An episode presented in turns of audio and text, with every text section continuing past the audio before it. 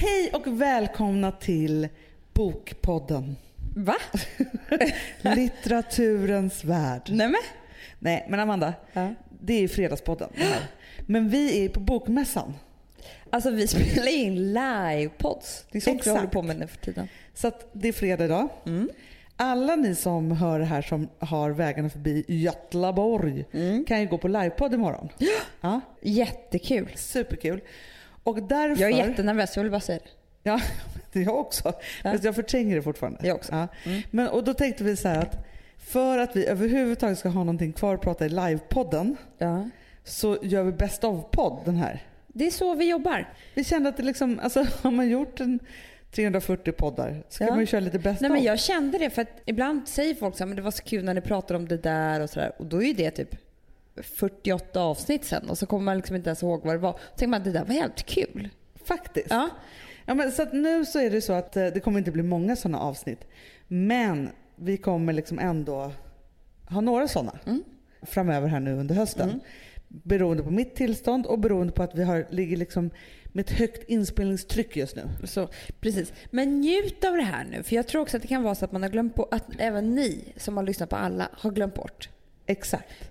Nej, men och jag tänker också så här, det här blir ju liksom en väldigt ihoptryckt del av allt det roligaste, Jag menar det. Ni slipper, och i, ni slipper ju det tråkiga. Och Exakt. det där är inte alltid bäst. Nu får ni det bästa. Det Ja. bästa av Fredagspodden. Han presenterade sig som Big Rich Dick.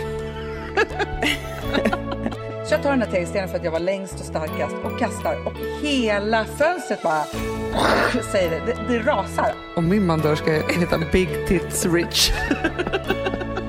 Ja men vi var lite som Spice Girls. Det var ju det vi var. Alltså när man ska ha som mest städhjälp det är egentligen på sommaren. Ja men precis för att här när man ska vara ledig och ha det jättehärligt. Det enda jag gör är städar. Ja men jag vet, men nu har jag också bestämt mig för då att det är så här, för vi har ju ett gäng barn som drar omkring här. Det är de som stökar ner. Utan dem så hade det varit liksom, nej, hade varit som att bo på lyxhotell där det var städat hela tiden. Ja, men jag vet. Och, men jag måste bara säga en sak Hanna, jag tänkte på det här igår. Du berättade, och kanske det här var förra sommaren då, i podden, om en krönika som var skriven, jag tror, för jag har väldigt bra minne, av Emma Hamberg. Ja, där de kommit fram till att man skulle, men då måste ju barnen vara lite större, kanske inte Frances åtta månader. Att man, alla hjälper till och städar sju minuter varje dag på landstället. Ja men det var, fast det var en blandning av det. För det här har jag också tänkt på jättemycket. Hennes artikel handlade inte alls om det. Nej, jag har inte så bra minne nu. Det var att man skulle strunta i dammtussarna och disken och krypa ner till sommarsnoppen. Kommer du ihåg? Ja, just det. Att liksom bara så här, låta det vara lite disk framme och det behöver inte vara dammsuget hela tiden utan liksom koppla av. Men den andra var ett tips som jag hade fått att så här, det var en familj, de ställde eh, äggklockan varje morgon och så städade alla i 15 minuter. Jaha, vad har jag fått där för med sju minuter? Jag vet inte, men det kanske var sju minuter också. Fast vet du vad det kan vara Amanda nu när jag tänker på det? Jag vet. Knulla sju minuter. om, det ändå, om det ändå var ett sånt långt ligg hade man ju varit glad. Men det är underbart, man ställer äggklockan bara. Nu kör vi lite ligg. Sju minuter och innan dess så ska det inte gå för någon. Nej men Hanna, det är först är det förspel tror jag. Oj, gud vad vrålhångel. Och sen kör man fyra bara pang på. Roligt det här nya äggklockesexet. Ja, men, för då vet man så här. Det är ju liksom bara, barnen kan ju göra vad som helst i sju minuter. Jag kan säga till dig Hanna, kan du ta barnen i sju minuter? Ja, men alltså det är ju det bästa jag någonsin hört. Det finns också väldigt, väldigt många barnprogram på YouTube som är just typ sju minuter. Jag vet. Eller till och med tio. Det är de ofta. Då hinner man sätta dem till, till rätta. Drar av sig kläderna. Eller bara Ankeborg. kör bara underdelen. Och sen kör man. Ja, ja, ja. Och är det tio minuters avsnitt, då hinner man ju också eftersnacka. Vad tyckte du? Hur var det här? Pusta ut lite liksom. Men det tror jag också så här. Jag tror så här, om man ställer äggklockan på sju minuter per dag med sin kille, då tror jag att man kommer ha en sommar som kommer vara så fruktansvärt lycklig. Ja, men, knullklockan. alltså, jag tror att det kan vara räddningen på alla äktenskap. Ja men vet du så, när vi har gjort alla våra program, som förresten det första sommarprogrammet har haft premiär den här veckan. Då har vi frågar vi mycket så här, hur överlever man småbarnsåren, hur får man kärleken att hålla och så vidare. Så här. Alla kloka människor som har ett långt förhållande, de har bara ett svar på det. Ligg, ligg, ligg. Ja, det är bara sexet. Alltså Sofia Wistam till exempel som kommer vara med på vårt program. Hon har ju bestämt sig för att aldrig säga nej. Ja, och arga snickaren som är med nästa vecka, han är bara så här, men vad fan, inte hålla på och göra det så jävla komplicerat, bara ligg med varandra. Man ska krama. Så fort man träffar någon då bara ger man dem en jävla björnkram va? Och sen ska det liggas. Alltså man ska ligga hela tiden och bara köra på. Kommer du ihåg när han sa, då reser sig Kirsteigen upp. Exakt.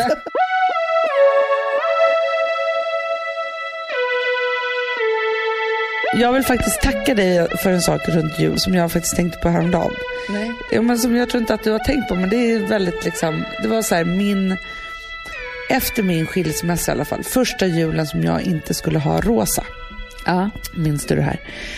Alltså då när, när det liksom gick upp för mig, för vi hade liksom första julen då när jag hade skilt mig så, så delade vi på Rosa på samma dag för vi var båda i stan. Andra julen då så hade då Rosas pappa träffat en ny tjej och han var så här, jag tar Rosa på julen, eh, vi kommer fira den 15 mil från Stockholm och så är det med det. Och först så bara var jag så här, jaha okej liksom. Det kanske är så det ska vara. Och så pratade jag med dig om det. Och så sa du bara så här, nej, ni får ta hälften var av den dagen. Jag bara, men jag har inget körkort och liksom, hon ska ju då 15 mil dit och så. Och du bara så här, fast det är inget snack om saken. Vi firar julafton med Rosa på morgonen allihopa. Och sen så kör jag dit henne. Ja. Och då minns jag hur mysigt det var den där julmorgonen och vi delade ut julklappar och vi hade sovit allihopa hemma hos mamma och det var så här väldigt mysigt. Och sen så efter lunch där så satte vi oss i bilen och så körde vi liksom på kringelikrokvägar mitt ute i Sverige. Och också så här, jag hade aldrig klarat det att helt, nu blir jag lättledsen där, att helt själv eh, lämna mitt barn där på julafton utan dig. Det är för mycket i julpodden. Men jag kommer ihåg att det var väldigt jobbigt för det var så... Alltså nu gråter jag ju också, det är ju sjukt det här men det var ju sån symbolik i allt det här att när vi skulle åka och lämna ditt... Alltså jag tror att för alla som skiljer sig så att inte vara med sina barn på julafton var så var det absolut vidrigaste. Liksom du och jag åkte och Rosa och sen så skulle vi lämna henne till din förra man och hans nya på julafton. Allt det där var skitjobbigt. Eh, och jag kände, jag kommer ihåg att jag kände så här, vilken tur att jag var med här just nu för att det här var inget bra. Det här var inte, det här var inget roligt. Nej, och det var också så här, jag, jag var liksom fortfarande i det där stadiet att jag, det var jag och Rosa, vi var ganska ensamma. De hade fått ett nytt barn, de hade liksom så här fortsatt det där livet. Liksom så. Och vi hade inte, jag hade inte ens hunnit liksom riktigt landat. Eh, så. Men också så jag minns väl hur, hur jag höll ihop för jag kunde inte bli ledsen när Rosa var med. Och så när de hade stängt dörren där till deras härliga jul och vi åkte vidare i den karga vintern. Och att jag grät så mycket och var ledsen då. Mm, det kommer jag ihåg. Du, Och sen åkte vi fyra timmar fel.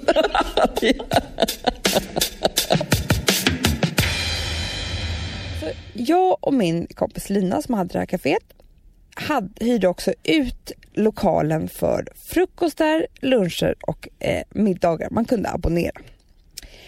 En dag kommer det in en man i kostym, en lång svart man. Han ser ut liksom som, som eh, vad heter han som springer? Så fort. Felf. Nej, det är han som simmar. Eh, nej. Bolt. Bolt. Felf. Bolt. Felfbolt.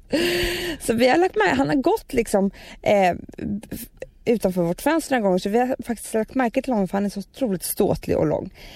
Han kommer in och eh, han frågar om vi kan ha en frukost. Han pratar bara engelska. Om vi kan abonnera, om han kan abonnera det här stället för en frukost för ungefär 70 personer. Och vi säger ja. Och sen så eh, tar vi hand och han säger vi bokar ett nytt möte för då ska vi planera maten och alltihopa. Och det gick så fort va, när han sa sitt namn så att jag bara tänkte så här, det är jag som har hört fel. Men så fort han hade gått så, så frågade Lina, vad, vad hette han liksom? Hörde jag fel? Och hon höll ju på att skratta ihjäl sig för att han presenterade sig som Big Rich Dick. Hette han Big i förnamn och Dick i efternamn och Rich i mellannamn? Eller liksom, hur var det här? Vet inte. Det var den här mannen i kostym, liksom helt, alltså han skulle ha en företagsfrukost och hette Big Rich Dick. Alltså jag vet inte vad, vad som hände men han, han hette det i alla fall. Men ni tog emot beställningen och bara, ja men på torsdag då har ju Big Rich Dick bokat här och då ska vi göra frukost. Sen kommer han till nästa möte och eh, då sitter vi och planerar exakt vad som ska vara på den här menyn. Och han beskriver den här situationen, alltså det här mötet som ska hända som väldigt, väldigt allvarligt och han vill gärna att vi ska vara propert klädda och så här. Det förstår man, ett stort företag så här. Big Rich Dick går därifrån, än en gång i kostym, den här snygga människan. Så står vi där den där tisdagen på morgonen klockan nio eh, och ska ta emot alla de här gästerna. Det är bara det att först kommer in en präst Jaha. och säger så här, är ni beredda nu? Och vi undrar, beredda för vad? Gud. Ja, nu eh, kommer de allihopa och de är ju väldigt ledsna. In kommer Big Rich Dick. I gula kläder helt plötsligt. Jaha. Och en gul bandana. Och typ ungefär 70 personer som bara gråter. Men vad har hänt? Vad är det här för tillstånd? Är det liksom en begravning? Hans fru har begravts precis i kyrkan. Helene. Nej.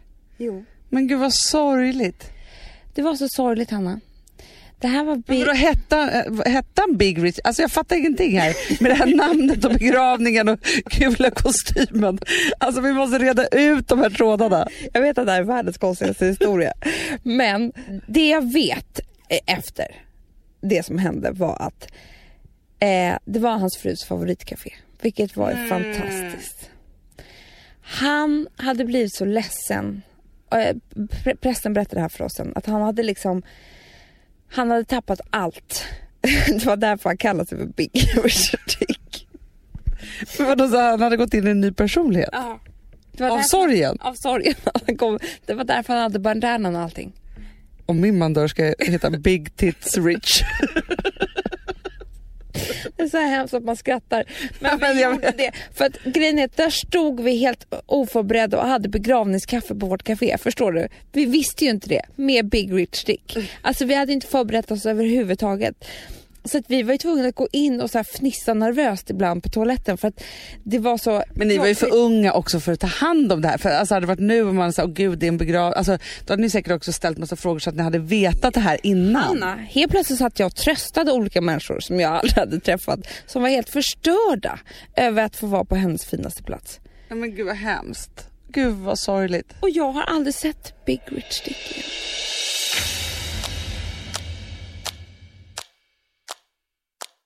Det var en, eh, inte så nära vän, men en bekant som satt på en tjejmiddag.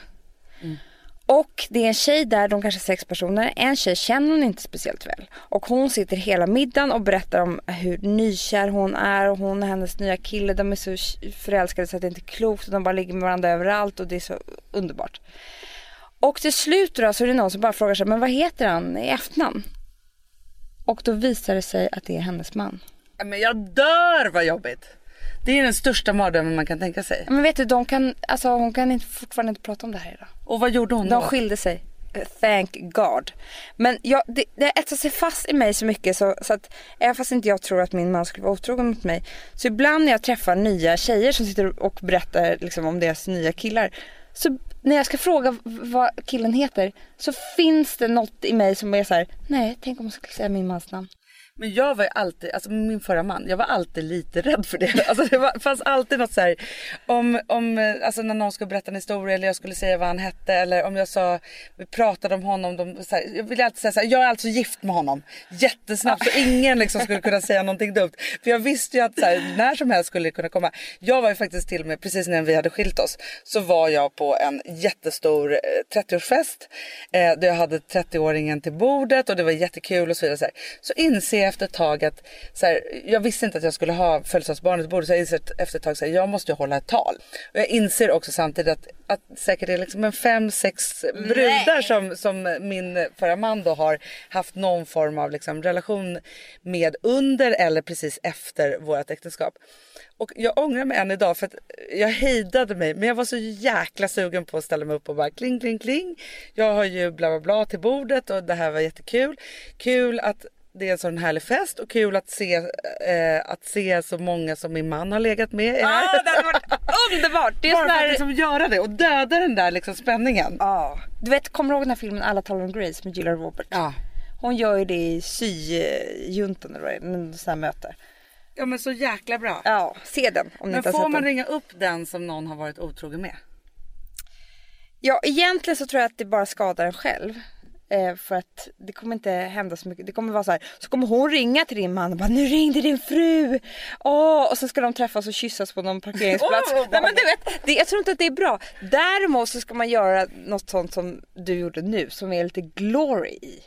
Ja men det är det man önskar. Jag har ju fortfarande den här eh, jävla subban då som, som han bedrog mig med och när jag hade min tre Du vet vem det är bebis. också? Ja, men hon var på mitt bröllop. Det här är helt sjukt. Hon var på mitt bröllop. Hon var eh, kompis till honom och sen så hade de någon, någon form av relation. Eh, eller form av Det här De kanske är bedrog din hämnd Hanna. Ja men det här är faktiskt min hämnd och då har jag så här, alltså jag hade ju som ett surr någonstans i hjärnan i åratal efter då jag tänkte så här, om jag träffar henne, för jag har fortfarande inte träffat henne efter det, vad ska jag säga då? Och i början så var jag, då var jag så trasig och liksom arg på det här så då skulle jag så här, hälla vin och jag vet inte, så här, kladda ner, man får ju inte så här, all- alla de sakerna. Sen Men så om kommer man till men det här Hanna- smarta. Ja liksom. men Hanna, om det är så att hon lyssnar här nu, kan du inte säga några ord till henne? Ja, då skulle jag faktiskt vilja säga att, att det du gjorde mot mig önskar jag ingen annan kvinna i hela världen. Och det du gjorde mot mig var fruktansvärt. Men det du gjorde mot min lilla, lilla bebis, det var ännu, ännu värre. För jag minns inte hennes första sex månader på grund av dig. nu blir jag ledsen på riktigt. Nu är det inte bara eh, regn, det är riktiga tårar här i bilen.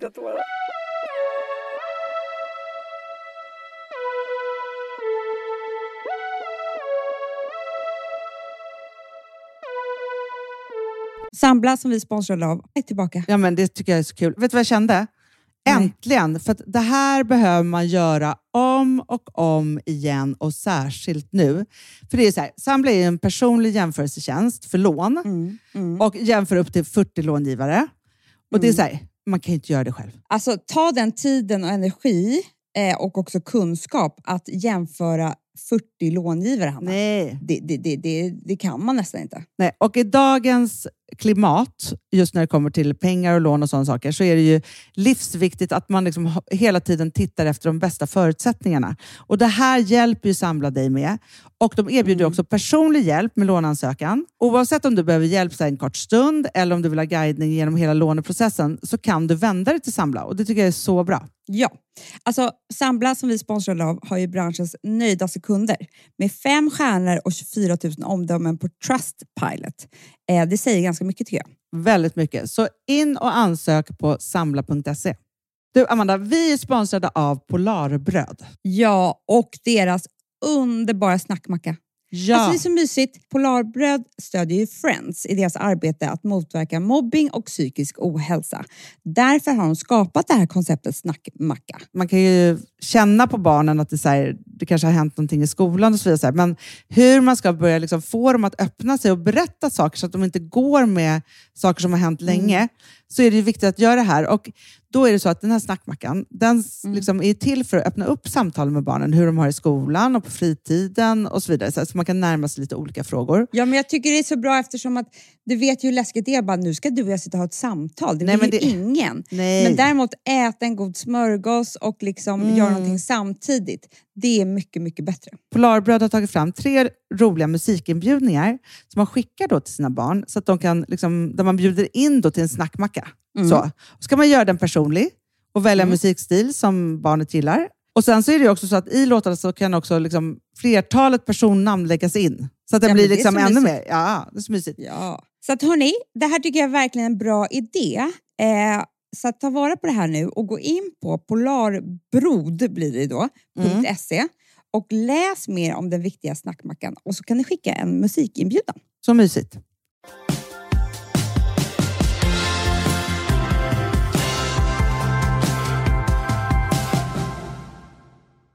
Jag vet inte varför det har blivit så att det har tagit liksom nästan två veckor nu innan, innan det här kunde liksom få komma ut. Nej men du måste ju smälta det själv kanske.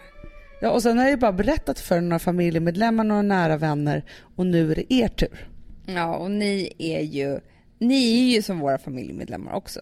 Exakt.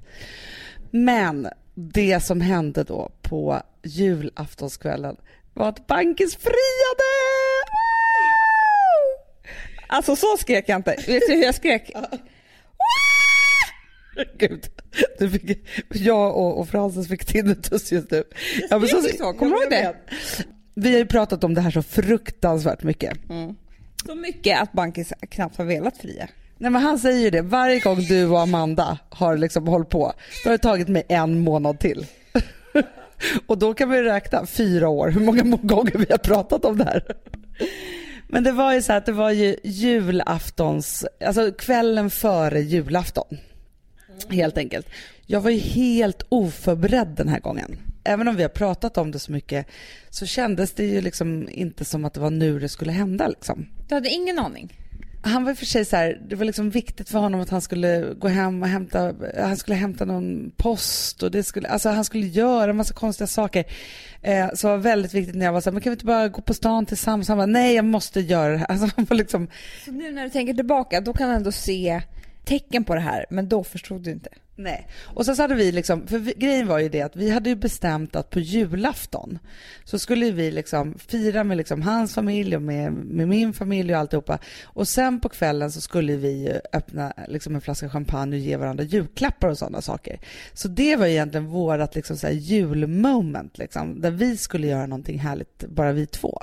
Ja, just det. Det pratade vi om. Ja. Men så bestämde vi oss för att det var trevligt där på, dagen för julafton om vi skulle så här, dricka ett glas champagne och äta lite charkisar och liksom sådana saker. Men jag höll ju på där liksom, jag och Vilma höll på att laga Janssons frestelse och vi skulle göra pepparkaks cheesecake och vi liksom höll på. Jag märkte liksom lite sen nu efter när jag tänker efter att han tyckte att det var att vi liksom höll på så här länge. Han bara, jag tycker liksom så att vi gör liksom, lägger Vilma och så först och sen äter vi och så här. Aha, aha. Så att jag var ju liksom, ja, jag tänkte så här, ja, gud vad, vad, vad liksom, ja men, ja men det är klart, men så. Och så här, jag hade inte slagit in julklappar än och så, så jag var liksom, ja. Han bara, gå nu och lägg Vilma. Jag bara, okej jag går och lägger Vilma. Så går jag och lägger Vilma och kommer då ut i våran matsal ja. och där så var det då Otro, alltså han hade dukat upp jättefint och det var också otroligt såg många ljus. Ja, men jag såg en bild på Instagram och bara tänkte så här, men herregud, alltså, va, alltså dagen före julafton, ja. Ja men det var ju så här helt otroligt och också när jag kom in där, jag bara åh vad fint du har gjort så här. Eh, han bara, nu får du lägga undan din mobiltelefon. Jag bara, nej men jag måste bara ta ett kort i Instagram typ. Eh, alltså så här, verkligen, jag bara, nu blir det lite vuxenmys och tänkte så här, gud han har verkligen tagit varenda ljus vi har i hela lägenheten och tänt. Men så tänkte så här, men nu ska jag bara embrace this, alltså tycka att det är liksom är mysigt. Men jag tyckte att det var lite märkligt. ja. Och så var jag också jättehungrig. alltså vi sätter oss ner då vid bordet. Eh, han har liksom då sagt att jag var tvungen att lägga min mobiltelefon utanför för att jag inte skulle hålla på då med sociala medier. Eh, och så satte vi oss ner där. Och sen så bad han mig liksom så här, gå och hämta vatten och kryddor. Alltså det var olika saker. Jag bara tänkte så här, herregud vad vad jag ska hålla på och springa här. Men allt var ju för att han liksom inte tyckte att han hade fått upp ringen rätt. Och det var liksom så. Men så ställer han sig upp och så säger han så här. Nu tänkte jag att vi ikväll skulle hålla lite jultal. Jag bara, aha. Och han är i och för sig en, han älskar ju att hålla tal så det är liksom inte, ligger inte utanför hans natur. Då Så- fattar du fortfarande inte? Nej, men då tänkte jag så här, nu håller vi lite tal. Han bara, och så gick han liksom runt på och så han bara ja och så sa han lite, alltså han var inte så, för hade han bara ställt upp och hållit ett vanligt tal, så här som man kan göra, då hade han varit mycket säkrare. Här var det liksom så här lite fumligt. Och sen så går han runt och säger massa saker och så gick han liksom ner på knä. Och då sa jag så här, jag bara, fast nu skojar du med mig. Nej, sa du så? Ja, men jag trodde att det var ett skämt, alltså som att liksom vi hade pratat så mycket om det. Men då såg jag ringen. För den liksom, han tog upp den på en gång. Så, Exakt så gjorde Alex också. så att jag liksom inte skulle missförstå det här. Ja, men så sa han så här, någonting i den här stilen. Så- Ja, men han sa, först så sa han lite konstiga saker så här, som han försökt få ihop med julen och, och det var det var. Men sen sa han så här, han bara, ja du har ju redan gjort mig till världens lyckligaste människa genom att gett mig Vilma. Men om du vill göra mig lika lycklig för resten av mitt liv så undrar jag om du vill gifta dig med mig. och då, alltså, och grejen är att alltså, jag känner mig själv, nu blir jag tårögd när jag, när jag tänker på det eller när jag berättar om det. Men det som har hänt, ofta händer mig, både så här när jag har fött barn och sådana här saker, så skrattar jag ju alltid väldigt mycket. Och det gjorde jag nu också. Jag gör det också, men det gör jag. Jag skrattar väldigt mycket när jag blir nervös. Och det var väl det som hände dig också, kanske? Ja, så att jag skrattade lite och bara så här, ja, det vi, alltså, eller för, jag sa nog inte ja, utan jag bara så här skrattade, alltså jag fick inte fram någonting så. Men då har jag liksom köpt världens finaste ring Åh. och gjort allt det där. Och jag bara, men när bestämde du för det här? Men jag bestämde mig för två månader sedan. Det här är typiskt bankis. Ja. Men sen så hade han ju egentligen bestämt att han skulle fria på julaftonsmorgonen. Aha. Men han mådde så dåligt hela dagen innan. För det blev så nervös. För han hade tänkt att han skulle liksom bli jag nervös. tycker också att det var ändå fint att ni fick vara ensamma faktiskt utan barnen i den här lilla stunden. Ja, och det som faktiskt känns oerhört härligt det är ju att vi har den här stunden kvällen före julafton för resten av våra liv. Då vi kan ta ett glas champagne och tänka tillbaka. Det är så mysigt. Nej, men alltså jag är... Undrar om jag är lika glad som du. jag tror det. Alltså vet du vad jag tycker det känns härligt? Om vi ska prata om sådana tråkiga saker. Så sist jag var med om det här, då grät ju du på ett helt sjukt sätt. Ja, men det var ju obehagligt gråt. Ja, och nu är du lika glad för det, så nu känns det ändå som att det är rätt. Ja, precis. Vi kan ju berätta också då att vi, vi berättade ju inte för någon på kvällen, utan vi bara själva firade detta och var så här, alltså, och, och också efter han hade liksom friat så, då drack vi ju liksom hetsdrack champagne typ och, och skrattade och grät och det blev ganska allvarligt. Det var liksom, alltså vi är ändå, det är ändå fyra år sedan vi träffades och vi har gjort massa stora saker tillsammans, fått barn och alltihopa så här. Men vi blev lite allvarliga i det här, i att vi skulle liksom bli man och hustru och liksom, ja, men liksom all, allt det här. Men sen så väntade vi ju med att berätta förrän vi träffade våra familjer då på självaste julafton. Ja, det var ju då jag fick skriket. Exakt. Och då poppade vi upp en champagne här. Ja, då blev det Det var fining. en jättehärlig stund tycker jag. Liksom för att det, det var så här julafton och, och allt vad det nu är. Och så bara kom det här och störde så här helt perfekt i det här. Så vi bara fick fokus på det här istället en stund. Jag tycker det var väldigt, väldigt härligt. Men jag måste bara säga det att alltså, nu är inte det här med bröllop och frieri, det är inte hela världen och det är inte det som egentligen betyder så mycket i livet egentligen. Men jag upplever ofta, för det upplevde jag med mig själv också, att det betyder mer än vad man tror. För när jag tittar på dig och Bankis idag, han går runt och är stolt på ett vis som jag inte har sett honom på förut, på fyra år. Jag ser, jag ser jättemycket så här glädje i honom. Jag såg det här på julafton. Och, alltså det är verkligen mysigt. Plus att jag känner också att, gud, att vi ska bli släkt på riktigt. Alltså det är så här, det är någon annan som, alltså allt det här har man känt själv innan också. Men nu är det så här på riktigt, på riktigt, på riktigt. Jag tycker det känns så mysigt. Och jag tycker du känns så glad. Och, alltså det, det är faktiskt en massa glädje som tillkommer med det här.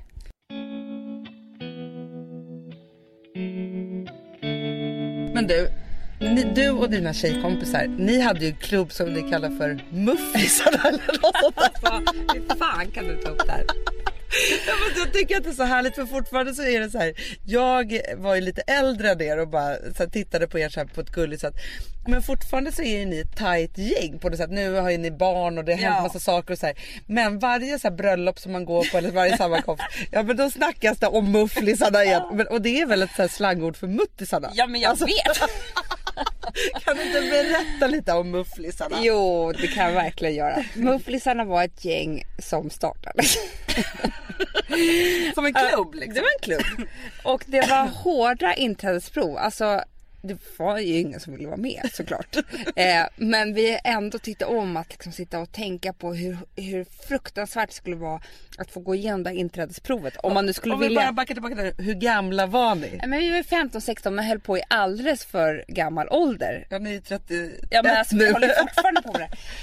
Eh, och vi eh, var liksom, vi hade alla tubtoppar. Hur många var ni? Fem.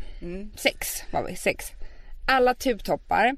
Vi tyckte att vi var väldigt duktiga på att dricka shots.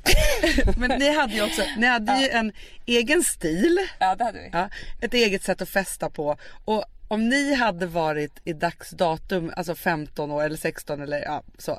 Då hade ju ni varit liksom Kissy och Pau då, Nej men tänker jag. gud, alltså Värmland forever vad nu heter, gå och lägg sig. Det hade ju varit, alltså. Det hade hetat mufflisarna.se och då hade alla men bloggat. Mufflisar hade haft ett eget tv-program på, på TV11 eller något sånt där istället för Big Brother.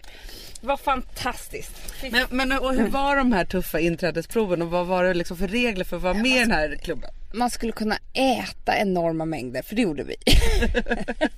och dricka enorma mängder och röka och man skulle kunna liksom, alltså vi var, vi, ja men vi var liksom Spice Girls, det var ju det vi var. Ja, där kom det. Vi liksom, eh, man var, vi var tuffa tjejer, ingen eh, satte sig på oss. Så Men- var det bara. Förutom att det, alla de här sakerna kan låta lite töntigt idag eh, så, så är det ju ändå så att en sån liten klubb kan ju göra en så oerhört stark och vara så himla bra för Väldigt självförtroendet. stark. Det är det man för, alltså, jag menar, alla människor har ju problem att eh, liksom hitta sin identitet i den åldern. Och det kan ju lätt hända då att man väljer fel saker bara för att få vara med någonstans. Så att det är väl också så här uppmuntra ens barn eller om man nu är så, alltså man kan vara hur gammal som helst. Alltså fortfarande tycker jag att hitta sin identitet i vänskapskretsar. Alltså hitta på klubbar och så här. Det är ju kanske skittöntigt men ganska bra tror jag. Ja men för jag har ju ett liksom tjejkompisgäng. Jag kommer ihåg det någon gång när, när Alex höll tal på någon födelsedag som jag hade. Eh, och han var så här, "Ja, men jag har ju känt dig ett tag och, och så. Han bara, men när jag verkligen såg din identitet eller vem du var. Det var när vi var en helg på Gotland och så dök alla mina tjejkompisar upp. Och hur de var så här, olika fåglar, för de är ganska olika jag med tjejkompisar. älskar att se dina tjejkompisar. För det är verkligen, om man tar mina tjejkompisar, tyvärr vi har samma hårfärg, samma väska. Alltså vi är rätt tråkiga på den punkten. Mufflisarna. Men dina tjejkompisar är helt fantastiska i deras liksom, eh, ja men de är verkligen Ja men de är ett gäng udda fåglar. Men jag tror att det är så här, för jag har alltid eh, Jag har alltid skapat mitt eget gäng och jag har plockat, alltså eller plockat låter så här, ja, ytligt. Men mina tjejkompisar har kommit från alla håll och kanter och det de har haft mycket gemensamt eller den enda saken som har varit gemensamt har varit jag. Så jag har liksom sammanfört men jag har alltid varit en sån om man då ska prata om liksom så här, vem är man i, i kompisgänget. Och jag har ju varit den sammankallande, den som Det alla är har ju du i familjen också. Ja, det det är är en del- Hanna tror jag som... Precis, det är en del av min personlighet eller vad man ska säga. Och sen så var det så att jag hade ju min lägenhet som jag bodde i på Valhallavägen som kallades för Heartbreak Hotel. Och där har alla bott mer eller mindre under en period i sitt liv. Jag bodde där i tio år. Och alltså jag är fortfarande ledsen att jag inte tog kort på alla människor som gick in och ut ur den lägenheten. Ja men också på alla vrår och vinklar i lägenheten för jag kan sakna den. Ja men jag kan också sakna den och det var ju så här Saga sov på någon soffa och eh, liksom så här, någon annan sov där, du sov skavfötter Ja, mig i sängen och det var liksom mycket. ja. Så det var ju verkligen så här, men, men bland mina tjejkompisar så är alla, alla ganska olika men det som jag tycker eh, är viktigt när det gäller ens tjejkompisar det är ju att ens tjejkompisar de fyller ju olika funktioner. Eh, om man ska vara liksom så här helt, rent krass. Och någonstans är det så här, precis som ens partner eller ens familjemedlemmar och så, så kan ju ingen vara allt. Utan om, om man ska tro att någon ska kunna vara allt, då ha, blir man ju bara besviken. Det handlar ju bara om så här, ju högre förväntningar man har desto större blir besvikelsen för att inte folk uppfyller det här.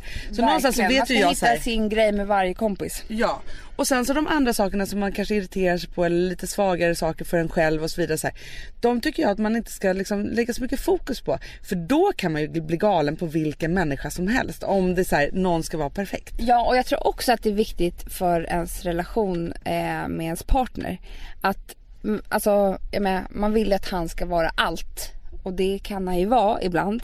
Men om han brister så är det väldigt viktigt att så här, kunna tänka så att det här, just det här kanske inte han är så bra på. Jag struntar i det och så tar jag det med mina tjejkompisar istället. Ja, jag har ju haft killar som har varit livrädda för mina tjejkompisar.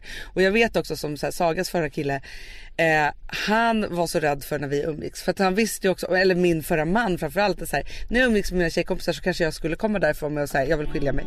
Ja, eller jag vill göra det här. Eller så här, då hade jag kunnat bli stärkt av någonting som är så här bra. Nu Verkligen. måste jag öppna dörren så vi får in lite luft här. Flytta ihop och sådär, det är ju någon... Det var ju ganska stor, ett ganska genomgående tema i podcasten. Så här. Och du och Amanda, ni flyttade väl i princip ihop eh, direkt efter att ni hade träffats, efter någon dejt bara, eller hur? Mm, ja, det gjorde vi. Och eh, jag, eh, ja, men jag var ju van vid att, eh, att ha ett förhållande där man helt enkelt inte skulle störa varandra på morgonen. Och jag är också uppvuxen så, att tassa runt mammas Eh, liksom, runt mammas säng för att hon sov. Så att när jag då, eh, ja men jag uppfattade det som att jag inte ska störa henne, störa henne så jag, jag försvann, tassade därifrån. Det var tydligen en dödssynd. Och sen fick jag då veta att eh, när man är ihop med Amanda Widell, då äter man eh, alltså, flera timmar långa frukostar i sängen. Och det var helt nytt för mig. Jag visste inte att det, att det gick till så. Eh, men det handlar alltså inte alls om att man ligger där i tio minuter, utan man ligger där i timmar eh, på helgerna. Och man läser en tidning och man pratar och man, man smular i sängen och sådär. Och det för mig är det helt främmande. Så att jag, men jag liksom fick finna mig i det här då, att ligga där timme ut och timme in och se hur dagen utanför, det fin- att allting bara försvann eh, till förmån för, för, för den här frukosten. Och jag är fortfarande lite, lite, lite frågande för att jag är inte lika förtjust i det som Amanda. Men det handlar ju om att kompromissa. Så nu ligger jag där i sängen eh, ibland och eh, väntar på att få, få komma upp kan man säga. Eh, och du då, vad, vad, vad hade du för, vad var den största krocken för, för er? Men jag, jag eh, hade inte bott ihop med så mycket tjejer innan eh, Hanna, så jag hade ju inga sådana här rutiner. Jag visste inte riktigt hur det skulle funka på samma sätt. Eh, så att, eh, som sagt, det var väl eh, det generella att få det här dagliga lunken tycker jag att funka. Men det blir ju liksom lite roligare. Jag var väldigt orolig innan vi flyttade ihop hur det skulle gå med här egen tid om man får säga så. Som man var väldigt, väldigt van vid. Att man hade sin egen tid. Man satt framför tvn, man satt framför datorn, man satt och läste. Man gjorde olika saker och ting. Men efter att man har bott ihop i typ två veckor. Då, blir- då, då blir det precis tvärtom. Då blir man sällskapssjuk. Så fort man får den här egna tiden så, så blir man rastlös och vet inte vad man ska göra. Så att det gick ju väldigt snabbt att, att komma över det tycker jag. Jag, jag minns en, en, en gång när vi hade typ varit ihop i två veckor. Och då hade jag så lust att gå och basta. Två veckor. Ja. ja, det här är alltså alldeles i början. Och då hade jag så lust att gå och basta. Och då hade jag ett kort på ett bad nere i- alltså på stan. Och då sa jag till henne, nu bara kilar jag snabbt in och tar en bastu och sen så kommer jag tillbaka. Och då blev hon så kränkt. Därför att eh, hon uppfattade det som att jag hade valt någonting annat före henne. Eh, eh, och, och, och hon trodde då att då kan inte han vara kär i mig. För att om han väljer bastu före mig, då är han, då är han inte kär. Och det här nämner jag därför att det, det, det, det berättar lite om vilken jävla svår grej det är att vara ihop med en Videllska. För att Hanna är också hon har extrema krav på kärleken ju. Mm. Och man måste liksom så här, stå, stå upp för den och kämpa för den varje dag. Så om man släpper garden lite, om, man skiter, om jag skiter i Amanda en dag, då är det, det, det går inte. Men det kan man inte göra. Och jag håller också med om det. Jag tycker att man, när man har så härliga tjejer som vi gör, då måste man kämpa som ett svin för att behålla dem. Eh, Det måste man göra. Så att jag, jag har ju då lärt mig den, den hårda vägen att, att man, måste, liksom så här, man måste stå på tå varje dag för att, för att eh, få det här att fungera.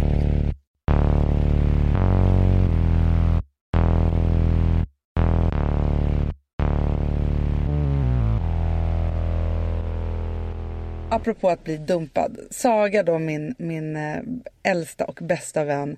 Hon, det var på den tiden hon bodde på Söder och hela hennes lägenhet luk- luktade rökelse och hon var bara ihop med så svåra södermän. Hon var ju så snygg också. Ja, så Hon snygg. Så snygg.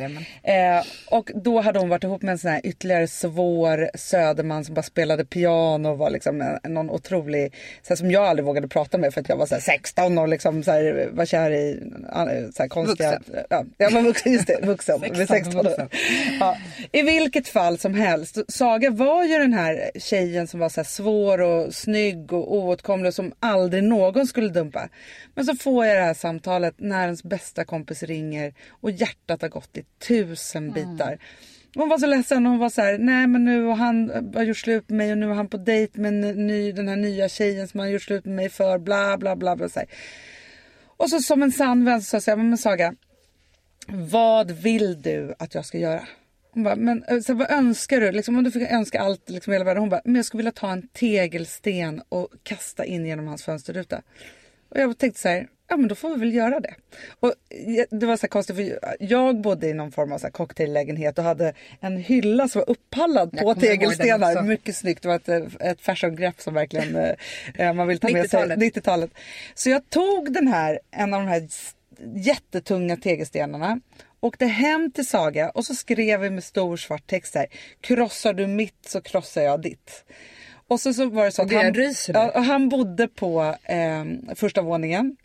Eh, så vi stod där utanför. Jag minns att det var liksom en bit upp och jag hade någon bild av att det skulle så här, kasta den här tegelstenen och så skulle det bli ett hål. Alltså så, här, så man, man, man tänker sig.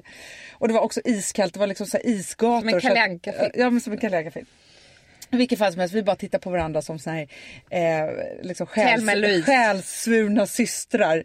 Eh, och så bara, nu gör vi det. Så jag tar den här tegelstenen för att jag var längst och starkast och kastar och hela fönstret bara säger det. det. Det rasar. Alltså, det är verkligen som att en bomb har slängts in i det här fönstret. Eh, så, och sen så sprang vi därifrån. Jag minns också hur vi typ ramlade och halkade. Och så, så, eh, vi sprang nästan från Söder till Stureplan. Eh, gick in på en bar där och beställde, vilket man kunde göra då på 90-talet, en pitcher, en stor kanna med öl och så drack vi den. Sen gick vi hem. Sen, Gud vilken underbar historia. Ja, men det är fantastiskt. Men sen började ångesten. Alltså, så här, satt han där, fick han den i huvudet. Har vi begått ett mord nu? Alltså, så här, konsekvenserna, det var ju det att så här, vi var så unga och man hade inte riktigt konsekvenstänkande. Men Saga säger det att hon och den här killen, de är jättebra kompisar. Och hade inte vi kastat tegelstenen hade de aldrig kunnat vända det här till att bli en Nej. bra relation. Hämnd är ju det, det bästa som finns. Absolut och även om man inte hämnas så ska man tänka de fula tankarna. Man ska tänka allt ont om denna eh, människa som har gjort en så illa. Så länge det bara går. Tills man kan släppa det. För då vet man att man är frisk. Jag pratade faktiskt med en psykolog om det här en gång så var jag så här, men liksom, om man har en jätteledsen kompis, får man hämnas då? Om liksom, hon bara vill klippa sönder alla hans kläder, vad ska man göra då? Då sa den här psykologen så här, ge henne en väldigt bra sax. Alltså vi som har sådär borst, har du testat i maskinen nu? Snart är det jag som kommer lägga upp en limpa på Instagram. Är det så? Ja. Är det så? Det som har varit så svårt för mig, Amanda, det är ju att bakning, alltså så här, matlagning, då kan man göra lite hejsan hoppsan. Bakning är kemi. Ja, och vet du vad som också har varit svårt? Det är ju att du kan inte så här, alltså, tomatsås så kan du ju salta och peppra och allting med tiden och smaka av. Det är svårare med en deg alltså. Vi är ju sponsrade av Bosch nya köksmaskin serie 6. Och den är extra smart. Och det är tur för mig kan jag säga. För att det är så här att först så liksom, man väger sina ingredienser direkt Ja, i och det bunken. här läste jag om. För det var något recept jag skulle göra. Det var så här, ta inte med decilitermått eller så. För att det blir inte samma. För då trycker man... Det är inte, det är inte samma vikt. Nej, men Alltså, det kan bli liksom det kan en hel deciliter fel hit och Ja. dit. Alltså, så. Ja. Men då gör man ju det så här, Det är ett geni av- ovanpå maskinen. Ah. Så mysigt, man känns så duktig. Sen finns det en integrerad timer. Ah. Och då är det också så här, alltså för, förstår du, för det här är så här, alltså de som bakar mycket är väl så här, ja man har en hushållsvåg. Jag har aldrig haft det än. Nej, men också Hanna, det här som, jag har alltid tyckt att det är så svårt typ, att vispa äggvita. Jättesvårt. Det är för svårt. Men det behöver inte jag kunna, för det kan min serie 6 köksmaskin från Bosch. Ja, nej men alltså, den är underbar. Hörrni, det är också så här, att, för det här är ju eh, ja, en jättebra investering. Men just också eftersom det är en investering och man vill verkligen att det ska funka så är det så bra för man kan prova 100 dagar hemma med fri returrätt. Så. Alltså för att Bosch de är så säkra på att du blir nöjd. Så de Ja. kan erbjuda det. Och jag tycker verkligen, eh, alltså nu när ni ska möta våren, in och läs mer på Bosch köksmaskin serie 6 och köp den hos Power. Det kommer bli en, en underbar sommar. Voff, voff! voff. Det vet vad det betyder på hundspråk? Det betyder att jag är hungrig. Jag vet, men vet du? Nej, jag är sugen på Prima Dog. Ja. det. Vi är sponsrade av Prima Dog. Det är vi. Men du är ju bara hungrig på Prima Dogs mat. Alltså jag tror att det är så gott att vi skulle kunna äta det, Hanna. Verkligen. Ja, men alltså så här, de har ju nu också, sen vi hade, eh, började vårt samarbete, så har de nu uppdaterat sitt utseende Mm. och gjort väldigt nya snygga förpackningar med inspiration från den nordiska naturen. Ja, för det är ju Taste det. of Nordic happiness. Exakt vad jag skulle säga. Och de vill ju, de bryr sig verkligen om hundar, Hanna. Alltså de gör det. Det gör de. de vill att de ska få leva ett långt, aktivt och glädjefyllt liv. Och Därför har de skapat de här produkterna som är väldigt snälla för magen. Och Det, alltså, det måste man tänka på med små woofsystrarna. De vill vara bekymmersfria. De vill inte ha ont någonstans. Nej, men det blir också så att hundägarna blir också bekymmersfria. För annars kan man ju vara så här, "Ha, behöver du gå ut nu eller inte? Har du ont i magen? Alltså hundar kan ju Också inte på prata. mina mattor blir bekymmersfria. Ja, det är så bra. Om man nu ska Nej, här, prata för, om sånt. För, för hundmaten från Prima Dog, de innehåller ju alltid mycket kött och är alltid fritt från vete. Mm. Och Det finns ju också spannmålsfria alternativ om hunden har extra känslig mage. Ja, alltså hörni, ni måste, eller ni testar, er hund måste få testa det här. Och ni hittar ju Prima Dogs produkter i er lokala matbutik eller hos återförsäljare online. Ni kan gå in och läsa mer på primadog.se. Taste of Nordic happiness.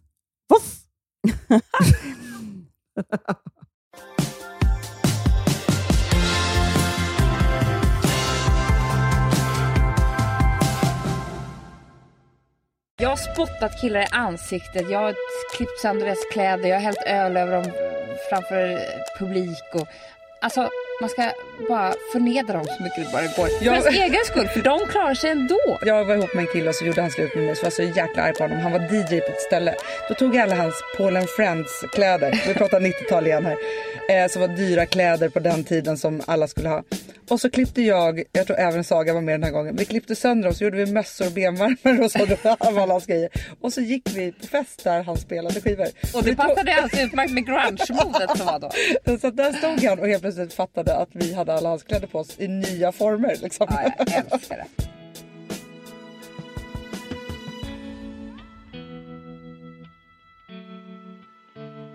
Det var väl härligt med Best of. Ja men det är skojigt på något sätt. Det är som man går längs livet.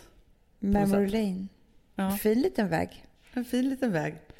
Ibland så tänker jag faktiskt på det när man har gjort så många poddar att det kommer komma en dag Mm. när Rosa och Vilma och Charlie och Frances och hela det här gänget som vi håller på att driver upp Mm. kommer tycka att det är väldigt kul att lyssna på. Tror det här. du det? Ja men typ när de är så här 20, 20 plus. Jo, jag vet. De måste typ bli lite äldre. För att jag tror att De bara, hur det spelar man det här? Vi har ju bara rymd. Alltså det kommer ju vara som så här stenplattorna för oss. De bara, jag har fått tag på en sån här manik så man kan liksom lyssna på mammas och mammas poddar. Ja, exakt. Nej, men förstår vad jag menar? Att det är ändå som, liksom, det måste man ändå säga att, att eh, när man gör den här podden vecka ut och vecka in så blir det som ett dagboks, eller vad ska man säga, ett livs... Eh, Verk. exakt, det jag tänkte. eh, nej, jag tänkte mer på att ja, men det är inte så ofta man liksom hela tiden reflekterar över vart man är och hur man mår. Nej, och tack. På det sättet. Och vet ni vad? Jag tycker att ni ska vara jätteglada att ni inte gör det. Ja, På samma sätt. För det är rätt jobbigt ibland. ibland är det jobbigt, men också väldigt kul. Det är det bästa vi vet. Men jag bara menar att, att det krävs ju två väldigt jobbiga människor Exakt. för att kunna det. göra det här. Med jobbiga liv. Jag menar det. Jag tror egentligen inte att våra liv är så jobbiga. Det är bara vi som är jobbiga. Ja, kolla hur jobbiga vi är nu. Vi bara sitter och samtalar ska om inget. prata om det. Herregud, det är fredag och ni ska ha en underbar kväll och dag och helg och vecka. Ja. Och... Laga massa mat, drick massa vin eller inte eller vad ni nu vill. Och bara ha det urhärligt. Så hörs vi nästa vecka. Och då, då är det livepodd direkt från Bokmässan. Ja. Och så måste jag ju bara påminna om att det är premiär av vårt program Ett härligare liv på tisdag. Och då sätter ni inte på era tv-apparater. Nej, ni går in på svtflow.se. Och så finns det där. Ett härligare liv. Hoppas, hoppas, hoppas att ni kommer titta. Vi skulle bli så glada då. Hej då på Hej då. er. Puss och Puss, kram. puss.